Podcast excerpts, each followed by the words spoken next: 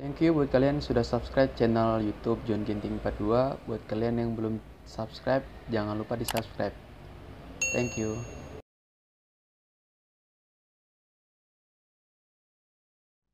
Uh, selamat datang lagi di channel YouTube John Ginting 42. Kali ini gue kedatangan teman spesial banget nih di cerita kita. Temen gue Muhammad Hamdi Ramdhani, anak psikologi 17. Gimana bro, kabar bro? Ya, alhamdulillah baik, John. Baiknya, sebaliknya gimana nih? Uh, semakin baik lah. Cuman pusing doang, pusing, pusing kuliah.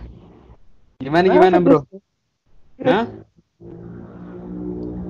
Ya lu paham lah dengan kondisi seperti ini perkuliahan jadinya seperti apa kan gitu. Gimana daerah daerah lu? Daerah gue sih aman kan? Sam sampai hari ini ya alhamdulillah masih aman cuman berita-beritanya aja lah yang nyampe gitu. Alhamdulillah mudah-mudahan mah penyakitnya mah enggak lah. Udah cukup beritanya nah, aja. Udah ya, cukup membuat gaduh. Iya jangan sampai lah bro. Kalau itu sih pasti sih karena kan ya gue ya media juga mencari untung juga sih bro ya kita juga nggak bisa menyalahkan gitu kan. Mereka juga kan iya. kan ini menjadi salah satu santapan mereka gitu kan. Bahkan ada berita yang ya sebenarnya menurut gue kecil tapi dibesar-besarkan. Ada beberapa media yang seperti itu. Cuman ya kita bersyukur aja sih di daerah Karawang ya jangan sampailah bertambah jumlah korban yang positif itu dan kita bersyukur juga sampai saat ini belum ada yang meninggal gitu dan jangan sampai gitu ya semoga penanganannya lebih baik lah di Kabupaten Karawang gitu amin amin amin ya kita kita nggak akan ngebahas ke sana sih ya. Karena ya ris apa bukan riskan sih tapi sensitif sih kalau ngebahas masalah covid bro. Dan kita yeah. juga nggak dan kita juga nggak akan ngebahas ormawa sih walaupun kita sama mahasiswa di ormawa masing-masing tapi kita nggak akan ngebahas ke sana. Mungkin kita bakal lebih ya ngobrol santai sih masalah masalah bukan masalah pribadi ya lebih ke arah individu kita sampai sekarang kita kuliah itu seperti apa gitu. Siapa tahu buat teman-teman bisa ambil positifnya yang negatifnya buang gitu. Ini hanya argumen ini hanya opini kita yang kita sampaikan gitu. Belum ya belum ilmu pasti gitu kan. Siapa tahu teman-teman ada yang sedang mengalami masalah yang sama mungkin bisa mengambil solusi dari yang pernah kita alami gitu bro kenapa gue bikin konten seperti ini biar teman-teman mahasiswa kan masa biar apple to apple gitu. Ketika lu punya masalah lu cerita di sini lu nemuin solusinya siapa tahu teman-teman yang lain sedang mengalami dan dia bisa nih jadiin solusi lu jadi acuan dia. Kan seperti itu gitu bro. Iya. Siap siap. Gue mau oke aja John. Yang penting tujuannya yaitu mencerdaskan kehidupan bangsa. Wah, berat banget bro udah kayak ini aja politikus aja bahasa lu mencerdaskan kehidupan bangsa pas nyalek itu kalau nyalek kan, kan hidup tidak lepas dari politik John Iya, gue paham sih itu bernapas saja itu politik banget ya Yo, jadi gimana? Kita mau bahas apa nih? Nih kita bang, gua gua lagi tertarik untuk ngebahas sistem bukan sistem sih lebih ke kayak perkuliahan online kita nih yang sekarang nih. Ini bukan ya. bukan nyinggung pihak kampus kita ya. Oh ini gini enggak, kita nggak akan langsung masuk ke sana. Gue cuman ngeliat pengen persepsi lu gitu di. Lu kan ya sebagai ketua BEM juga lah ya di psikologi pasti lebih paham lah anak-anak psikologi aspirasi mereka seperti apa gitu kan di lu sendiri nih sistem online seperti ini apakah di psikologi sendiri itu memang kondusif efektif tidak ada kendala atau bagaimana bro ya kalau untuk perkuliahan jarak jauh ini sih ya yang gue rasa sejauh ini sih ya pasti ada lah pro kontra ya. Mahasiswa yang setuju yang enggak gitu. Yang gue rasa sih sampai hari ini ya karena mau bagaimanapun gitu kan ini kan kondisi baru gitu. Ya bisa dibilang ini salah satu revolusi sosial gitu ya kehidupan sosial revolusi perubahan tentang kehidupan sosial bagaimana kita dituntut untuk yang tadinya saling berkomunikasi langsung yang tadinya sering ketemu tiba-tiba ditahan gitu untuk tidak. Ya ini salah satu revolusi sosial kalau menurut gua sih. Nah kalau di psikologi sendiri jelas sih ada pro kontra ada mahasiswa yang pro ada mahasiswa yang kontra ya kebanyakan yang gua analisa untuk mahasiswa-mahasiswa yang kontra ini ya lebih ke sebenarnya dia itu ya kurang bisa gitu kurang bisa memahami kondisi hari ini. Jadi problem-problem dia sendiri aja udah banyak ditambah dengan keadaan hari ini jadi ya kaget. gitu ya. Iya dia gitu kaget. mungkin nah, ya nah untuk mahasiswa-mahasiswa yang pro ini yang tetap fight tetap survive dengan keadaannya itu mahasiswa-mahasiswa yang udah bisa mengendalikan dirinya udah bisa ya yang sudut pandangnya lebih jauh sih. Makanya yang gue lihat yang mahasiswa kontra ini ya kebanyakan mempermasalahkan hal-hal yang seharusnya tidak bisa tidak perlu dipermasalahkan gitu. Seperti halnya ya gua kerja gitu misalnya ada nih salah satu mahasiswa yang mengatakan bahwa kerja pulang ke rumah banyak tugas segala macam ini PJJ cuman cuman kerja cuman membuat kita membanyak tugas doang kuliah nggak efektif gitu. Itu untuk untuk keluhan-keluhan. Tapi yang gue rasa ya seharusnya itu sama aja udah sih. jadi udah jadi udah jadi konsekuensi kita gitu kan. Kita yang Iya. memilih kuliah untuk kerja kita harus siap dengan kondisi benar apa pun benar benar. Jadi jangan sampai kerjaan kita ini dijadikan dijadikan kambing hitam bahwa ketika orang kerja itu seharusnya jangan dikasih tugas ketika kuliah kan gitu pikirannya gitu. Nah kalau yang yang pro ini yang pro sendiri ya malah lebih ke menyudutkan gitu, lebih ke menyudutkan yang kontra. tapi kan gini bro kalau gue lihat di satu sisi bener juga gitu benernya kenapa gini contoh kan ya dalam situasi seperti ini ya kita berbicara mahasiswa lah ya. Berbicara mahasiswa memang seorang mahasiswa kan memang kita diberi tugas ya ini pandangan gue gitu kan. Diberi tugas itu memang udah hal yang wajar. Cuman kan apakah dengan kondisi seperti ini yang kita maksudnya rasa khawatir rasa panik pasti ada stres atau ya lu paham lah kondisi seperti ini memang benar-benar tidak efektif gitu. Dan dikasih ya tugas tadi gitu yang banyak gitu. Apakah menurut lu memang itu efektif? Ya memang konsekuensi kita tapi bukan di waktu yang seperti ini loh. Gitu loh. Ya, ya, ya berbicara ya kita coba sudut pandang. Kalau gue sih selalu melihat gitu dari dua sudut pandang gitu ya. Gue lihat dari sudut pandang mahasiswa, gue juga lihat dari sudut pandang dosen atau yang pengajar gitu. Ya kalau kita lihat sebenarnya dosen pun ini gue rasa belum siap gitu dengan kondisi seperti ini sama hanya dengan kita dengan mahasiswa. pasti sih pasti Dosen- karena memang mendadak pun- banget kan ya dosen pun ibaratnya kaget gitu dia tuh lagi mencari bagaimana solusi yang baik gitu untuk kita cara pembelajaran gitu. Nah sebenarnya kalau gue melihat sih ini sebenarnya bagus banget gitu kondisi ini kan namanya musibah itu pasti selalu berdampingan dengan hikmah ya. Gue selalu pasti. percaya gitu. Nah kalau gue memandangnya ini hikmah banget buat diri gue gitu ketika gue, gue dihadapin dengan keadaan seperti ini bagaimana nih gue meregulasi diri gue menghadapi permasalahan ini gitu kalau gue terus-terusan menuntut pada pihak lain tentang kondisi hari ini ya itu pasti akan mental karena pihak lain pun sama gitu.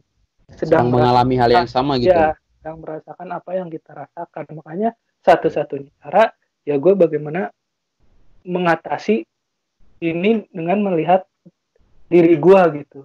Jangan-jangan tuntutan-tuntutan kita ke mereka itu disebabkan karena kita yang belum bisa mengatur diri kita meregulasi diri kita kapan kita harus mengerjakan tugas kapan harus kita kerja gitu.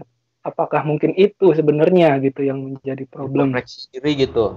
Ya kalau gue sih lebih ke situ karena tapi kan dalam satu sisi gini gua gua potong Ya. ya tapi kan dalam satu sisi gini maksud gua kan ketika kita diperhadapkan dalam situasi seperti ini oke lah yang lu bilang tadi kan dosen pun harus ya kita harus memahami dosen karena dia juga lagi mengalami hal yang sama. Tetapi maksud gue ketika kita sedang mengalami hal yang sama, apakah tidak ada cara yang lebih baik maksud gue teh yang harus ditawarkan?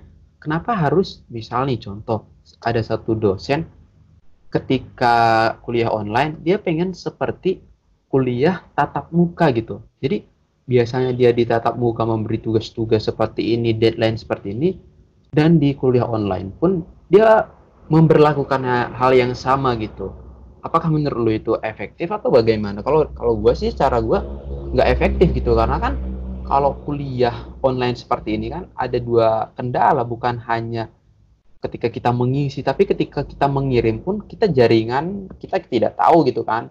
Itu yang sering menjadi kendala gitu. Kalau menurut lu sendiri deh apakah memang ketika ada satu dosen ingin memperlakukan hal yang sama ketika kuliah online dengan tatap muka apakah yang menurut lo itu efektif apa apa enggak gitu. Ya kalau ya berbicara tadi ya yang efektif tentang polanya gitu ya uh -uh. kalau di psikologi sendiri sih sampai sekarang ya karena mungkin gua dosen-dosen gua juga orang-orang psikologi gitu ya orang-orang psikolog yang gimana dia juga ya kerjaannya emang menganalisa keadaan gitu ya kondisi seperti ini harusnya seperti ini gitu kan. Yang gue rasa sih sampai detik ini sih alhamdulillah gitu segala macam problema itu bisa diatasi dengan cara komunikasi jadi kalau di psikologi sendiri apa pun yang akan dilakukan dosen itu dosen itu selalu melibatkan selalu gitu ya menginformasikan dulu kepada mahasiswa okay, okay. itu poin Iya, misalnya nih mau UTS, UTS oh. kirim ke e-learning atau classroom. Nah itu sebelum UTS itu dosen itu di grup itu selalu mengat selalu bertanya, selalu menanyakan gitu. Siapa aja yang belum masuk e-learning, bagaimana ada kendala atau tidak atau di classroom bagaimana ada yang belum masuk classroom atau tidak bahkan bahkan ada salah satu dosen yang sebelum UTS hmm. hari H min satunya itu kita ada diskusi dulu via Zoom gitu. Nah besok UTS akan menggunakan metode seperti ini gitu. Kira-kira masukannya bagaimana gitu. Bahkan sampai waktu pun ya kita yang ngatur gitu. Dosen mau ngasih waktu segini kira-kira mahasiswa keberatan enggak? Kalau keberatan kira-kira mau, di, mau mau ditambah berapa menit gitu. Kalau sampai detik ini sih kalau di psikologi gue rasa udah cukup baik gitu untuk penanganan tentang pembelajaran ini gitu. Eh, ya kalau berbicara ya kalau berbicara efektif tidak efektifnya sih kalau gue memandangnya gue balik lagi ke diri gue gitu soalnya ya sama dosen juga sedang beradaptasi kita sebagai mahasiswa juga beradaptasi gitu daripada kita terus-terusan menuntut untuk mereka agar cepat adaptasi kenapa nggak kita dulu yang lebih dulu beradaptasi sehingga akan menimbulkan pemikiran-pemikiran nih masukan-masukan kepada mereka gitu. Ini seharusnya seperti ini harusnya seperti ini kan itu yang mereka harapkan gitu. Kalau gue sih selalu memandangnya karena kalaupun belajar belajar di kelas kalau misalnya si mahasiswa sendiri tidak punya tidak punya rasa mau untuk belajar yang tinggi gitu ya ya tetap aja menurut gue nggak bakal efektif karena mahasiswanya sendiri pun masuk ke kampus bukan untuk belajar gitu kalaupun dia niat untuk belajar mau di mana pun tempatnya maupun di mana siapa pun dosennya harusnya itu selalu efektif gitu. Kalau gue sih, kan ada, tapi kan ada satu doktrin gini di, gue gue uh, masuk yang pertanyaan lu terakhir tadi itu tergantung ya. mahasiswanya seperti apa gitu. Tapi kan ada doktrin gini, gimana dosennya, paham nggak maksud gue? Jadi ketika si dosen bikin lu nyaman, contoh deh dalam satu perkuliahan lu dibikin nyaman, ya contoh yeah. deh kalau kita punya pasangan lah ya, kalau kita dibikin nyaman, kan dengan segala apa pun pasti kita terima gitu segala segala kekurangan pasangan kita itu ya contoh pun dosen sama ketika sistemnya bikin kita nyaman ya mau gimana pun pembelajaran itu pasti kita ikutin gitu.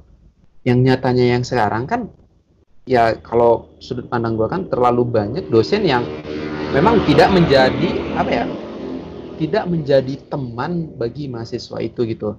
Dan yang gue kutip tadi nih gue menarik nih. Gue mau tanya dia lu nih yang lu bilang kan. Ada dosen yang memang memberi waktu maksudnya mengadakan meeting Zoom lah oke okay lah kebanyakan juga di gua sama ada beberapa apa namanya dosen yang sebelum UTS memang mengadakan meeting Zoom dulu. Tapi ada nggak sih dia lu gitu dosen yang memang udah mengadakan meeting Zoom, tapi tetap aja kekeh dengan apa namanya kekeh dengan prinsip dia gitu. Contoh deh masalah waktu. Kalau di gua, gua curhat ke lu sedikit. Ya lu paham iya. nggak? Yeah. Aku akuntansi kan hitung-hitungan. Iya. Kita kan nggak paham, maksudnya salah angka aja itu udah fatalnya ya lu paham lah ngitung akuntansi bro harus balance harus apa kan satu angka aja itu kita salah harus ngulang dari awal kan seperti itu mm -hmm. nah si dosen ini tetap kekeh dengan waktu yang dia berikan gitu akhirnya yang nggak nggak efektif gitu apakah ada hal yang sama yang lu hadapin di psikologi sendiri apakah memang karena mereka seorang psikolog ya mereka paham lah gue paham lah orang psikolog pasti paham dengan pola pikir mahasiswanya gitu. Tapi ada ada nggak sih gitu di psikologi yang memang dosen tuh tetap kekeh ya kalau bisa gue bilang sih dosennya apa ya bawel teing lah egois, gitu. egois gitu ya. oh, ya. ya gue nggak nggak bisa bilang egois sih agak agak sensitif juga sih bro gitu lebih ke arah ya lu yeah. terlalu riuh ter, dibikin terlalu riuh lah gitu kalau ya kalau menurut gue sih kalau dengan seperti itu terus apa fungsinya meeting Zoom gitu ya Iya, dengan maksud, upaya apa nah. yang lo ceritain tadi itu nah. apa gunanya meeting Zoom sebelum UTS gitu? Ya karena kan tujuan meeting Zoom sendiri sebenarnya kan mencari titik temu gitu apa yang iya. diharapkan dosen dengan apa yang dimau mahasiswa itu harus harus ketemu kan tujuannya itu. Tapi kalau nggak ketemu ya buat apa gitu. Cuman yang jadi pertanyaannya gini mungkin John. Kira-kira di akuntansi itu semahasiswanya apakah semuanya menolak ataukah ada pro kontra gitu? Dan yang ternyata yang mayoritas itu yang pro sehingga dosen mengambil prinsip dia yang ternyata banyak juga mahasiswa yang pro. Ini juga jadi pertanyaan kira-kira emang ini emang benar-benar dosennya kemauan sendiri atau ah jangan-jangan ada mahasiswa yang setuju gitu dengan dia dia merasa dia mampu akhirnya dia sepakat aja gitu dengan apa yang disampaikan dosen. Kita sudah mencapai satu kesepakatan, tetapi di aktualnya itu berbeda dari hasil kesepakatan. Dan kita selalu doktrin dengan pasal satu dosen selalu benar.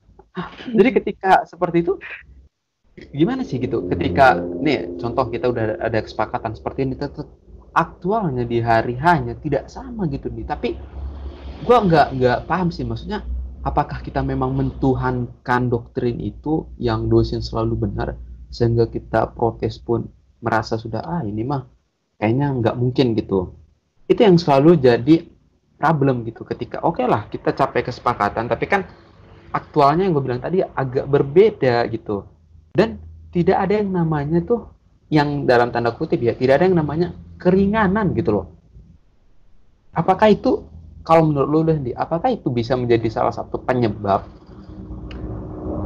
gagalnya apa ya? Kalau ini kita agak agak keluar sedikit dari hasil per dari hasil perbicaraan kita, apakah itu bisa menjadi salah satu alasan kenapa pendidikan di Indonesia ini memang jauh dari kata baik gitu?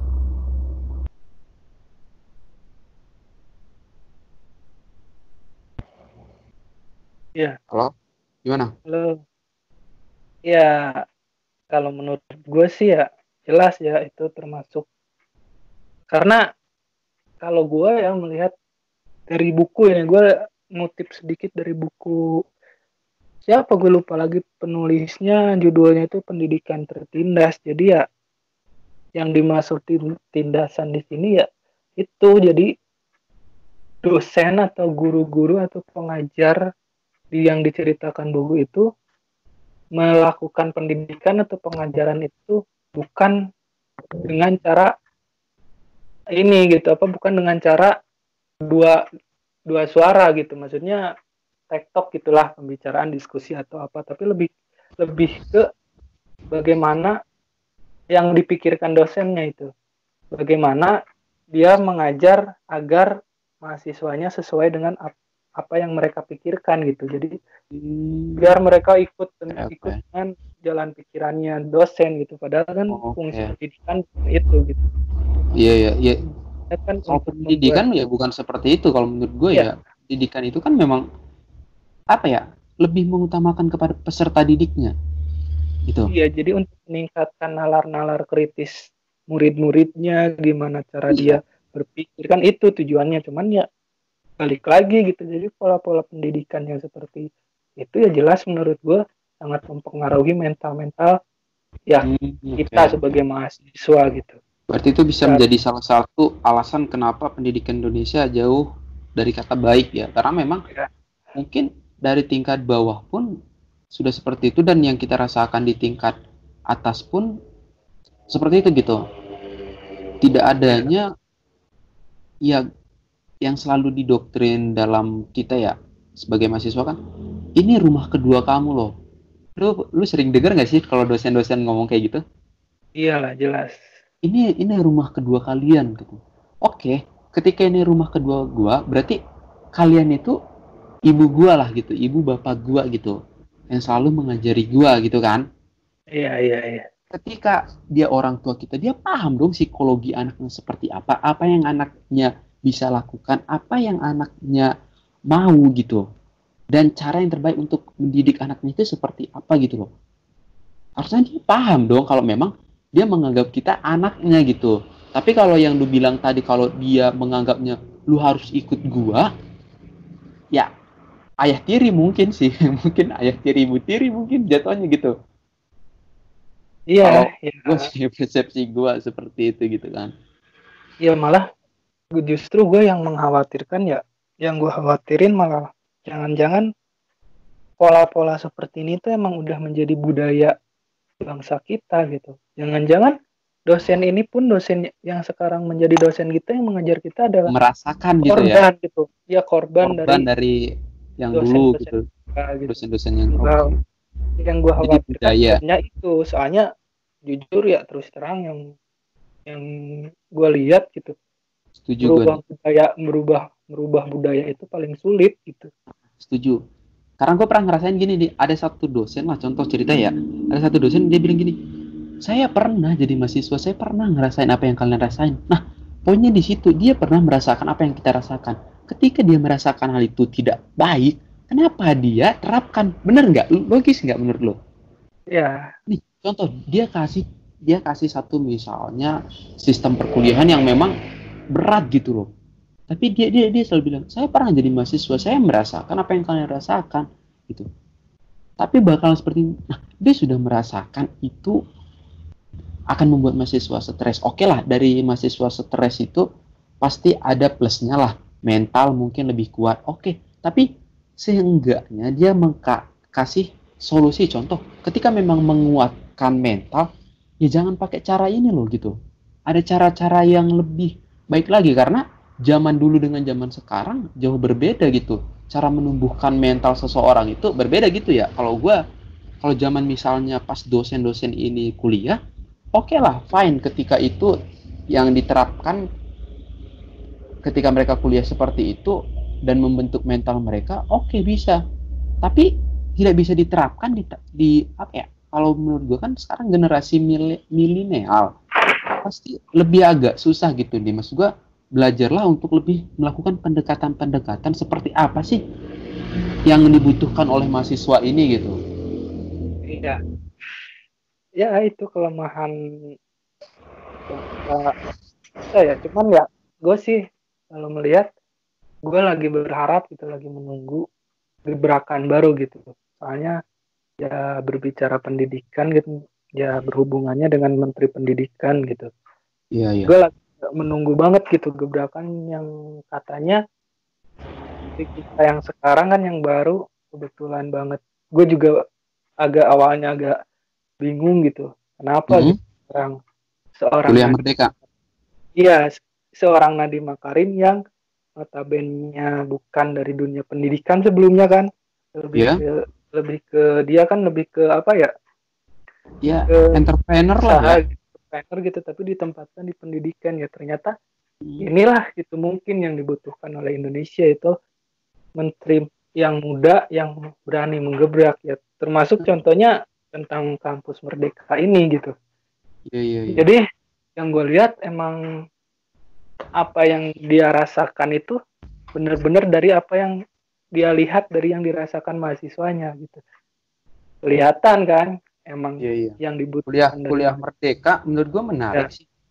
soalnya yang di, yang gue lihat yang dibutuhkan dari mahasiswa sekarang ya itu tentang kebebasan berpikir tentang kemerdekaan belajar itu kan yang yang hilang dari dari kampus-kampus di, di Indonesia sekarang ini gitu Oke, berarti Ya. gini deh. Berarti menariknya gini nih. Berarti kalau misalnya ada sistem kuliah merdeka atau pembelajaran merdeka lah kita sebut pendidikan merdeka atau sejenisnya gitu. Berarti menurut lu, lu setuju nggak dengan satu kata seperti ini? Kalau lu orang akuntansi ya lu harus jadi akuntan. Kalau lu seorang psikologi ya lu harus jadi orang psikologi. Ya, itu menurut lu gimana? Dengan kuliah merdeka seperti ini, apakah itu tetap berlaku atau memang dari dulu itu nggak berlaku gitu? Tapi kan yang salah selalu menjadi doktrin kan, ya kalau lu seorang akuntansi, lu harus jadi akuntan dong, gitu. Itu yang selalu menjadi di doktrin gitu. Ya, itu justru yang yang enggak yang salah menurut gue ya yang salah banget dari doktrinasi itu itu dari lu lu kuliah ini ya lu harus jadi ini gitu. Nah itu sebenarnya yang gue denger cerita kan gue juga sering dengerin ceramah dari Menteri Pendidikan itu sendiri ya. Ya dia juga mengatakan jadi nggak seharusnya apa yang di, di apa sebutnya itu disiplin ilmu itu yang akan menjadikan dia nanti gitu. Soalnya kalau men- Menteri Pendidikan sendiri kan dulunya dia di jurusan ini ya hubungan internasional, tapi tiba-tiba Iya, iya. sekarang dia menjadi wirausahaan membuka suatu ini kan. Oh, oh. Nah di situ emang bener banget bahwa disiplin ilmu kita tuh nggak menjamin kita, kita harus- sukses gitu. ya nggak nggak menjamin kita Ya, harus sukses sukses dengan disiplin ilmu kita gitu kan Ya, jadikanlah oke, oke. kan dis- disiplin ilmu itu sebagai gerbang awal gitu gerbang Oke, awal oke, yang ketika kita kita masuk banyak gitu hal-hal yang bisa kita ambil gitu Berarti itu bukan jadi acuan ya? kalau menurut gue sih salah sekali gitu orang menganggap bahwa lu orang akuntansi harus jadi akuntan. Akuntan gitu atau gue orang psikologi harus jadi psikolog menurut gue salah banget gitu. Iya, karena kita lihat juga banyak yang akhirnya contoh kita ngobrol itu masalah Raditya Dika yang dia itu mahasiswa apa namanya politik ya? Politik ya. Politik tapi dia akhirnya suksesnya ya di itu gitu loh. Di stand up komedi di ya dunia selebritas lah. Maksud gue lebih ke arah ke sana gitu. Maksud gue Iya. menarik sih. bukan bukan sebagai acuan ketika gua di akuntansi lu di psikologi gua kan suksesnya hanya sebatas itu. Kalau kayak gitu menurut gua hidup gue tuh monoton banget gitu deh kayak cuman Iya. cuman satu jalur doang. Contoh yang gue sering eh, analogiin tuh ketika lu pengen ke Bandung Bandung itu kita isyaratkan kelu apa keberhasilan kita lah ya cara untuk ke Bandung itu nggak cuman lewat Subang gitu jalan tol lewat mana banyak jalan gitu Nah itu yang selalu mahasiswa tuh terjebak gitu dia yang gua paham gitu. Banyak yang mahasiswa akhirnya stres, bingung gitu. Gua lulus dari sini, gua akan jadi apa gitu. Kalau bisa dibilang gua kerja di akuntan publik, apakah gua akan di- diterima? Tapi gue sering curhat kayak gitu. Gue sebenarnya agak pesimis juga John katanya. Contoh kalau gua bersaing ya, contoh deh karena kan universitas kita juga masih baru dan ya masih dalam tahap akreditasi gitu ya. Ketika bersaing nih dengan univ-univ yang memang udah punya akreditasi gede, univ-univ yang memang udah punya channel jangkauan yang luas, itu kita udah pesimis sebatas itu gitu nih. Kalau kita cuman fokus dengan disiplin ilmu kita tadi gitu. Jauh dari itu kan harus yang kita bekali selama kita kuliah itu yaitu mental kita, bagaimana cara membangun relasi, bagaimana berkomunikasi yang baik. Menurut gue sih, yang lu bilang tadi, ini awal kita gitu, gerbang mencapai kesuksesan itu bukan jalannya gitu, bukan ini jalan satu-satunya lu bakalan sukses gitu. Itu yang selalu menjadi doktrin mungkin di mahasiswanya ketika dia kuliah sebagai akuntan gue harus jadi ini gitu. Itu kalau menurut gue sih persepsi Menarik itu sih, salah itu. gitu. Menarik sih John. Soalnya ya kalau hanya di di satu jalurin seperti itu ya terus terang yang paling tertekan ya mahasiswa psikologi sih termasuk gua kalau emang harus selalu seperti itu. Karena apa karena untuk menjadi profesi psikolog sendiri minimal itu harus S2 gitu. Sedangkan S2 itu tahu sendiri kan biayanya seberapa besar gitu. Nggak semua orang bisa mencapai itu. Lalu kalau orang-orang yang nggak bisa sampai S2 ini bagaimana nasibnya gitu? Ketika Mas, maksudnya semua, mas, bentar gue masuk. semua orang ya di dalam Ya. dunia pekerjaan S harus S maksudnya harus S, S2 itu seperti apa? Ketika lu Ya, S1 susah jadi kan- mencari pekerjaan seperti itu. Ya susah sih ya. Paling mentoknya jadi paling jadi konselor. Konselor itu masih bisa ya S1 S1 psikologi terus jadi HRD HRD pun hanya jadi paling ya jadi apa penerimaan gitu rek rekrutmen itu kalau Hmm. untuk jadi psikolog sendiri kan kalau psikolog kan jangkauannya lebih ke yang luas lagi lah ya seperti terapi macam-macam terapi segala macam pelatihan ataupun itu kan psikolog nah itu itu nggak nggak untuk bisa mencapai profesi psikolog itu minimal harus S2 gitu dan Kalau untuk S1 mencapai itu sangat susah banget ya nah itu makanya nggak biaya semua juga orang bisa mencapai. banget ya, ya, ya. mencapai psikolog gitu. Bagaimana gitu nasib-nasib ini kalau hanya diarahkan bahwa di lo di, kuliah akuntansi harus akuntan, gua sekolah psikologi harus jadi psikolog kan berat. Makanya menurut Benar, gue benar. salah besar dan ini itu juga yang merubah pandangan gua gitu. Makanya Ya, maka- kalau makanya gua, banyak, juga ya maksud maksud gua akhirnya banyak juga yang kita lihat sarjana-sarjana yang akhirnya pengangguran gitu yang Iya, akhir jadi- kita lihat kan di Indonesia banyak banget pengangguran padahal mereka sarjana gitu karena yang lu bilang tadi di hanya difokuskan pada satu gerbang itu gitu loh. Iya, makanya itu menarik yang kita katakan tadi kampus merdeka itu sebenarnya tujuannya itu ya itu kita nggak harus membekali mahasiswanya ya? iya nggak harus psikologi nggak harus jadi psikolog. Lo orang akuntan nggak harus jadi akuntansi. Eh, lo orang akuntansi nggak harus jadi akuntan kan? Itu yang dinamakan kebebasan berpikir kebebasan belajar kita kan harusnya itu kan kita nggak tahu ke depannya jadi apa. Itu sih yang sedikit-sedikit merubah pandangan gua.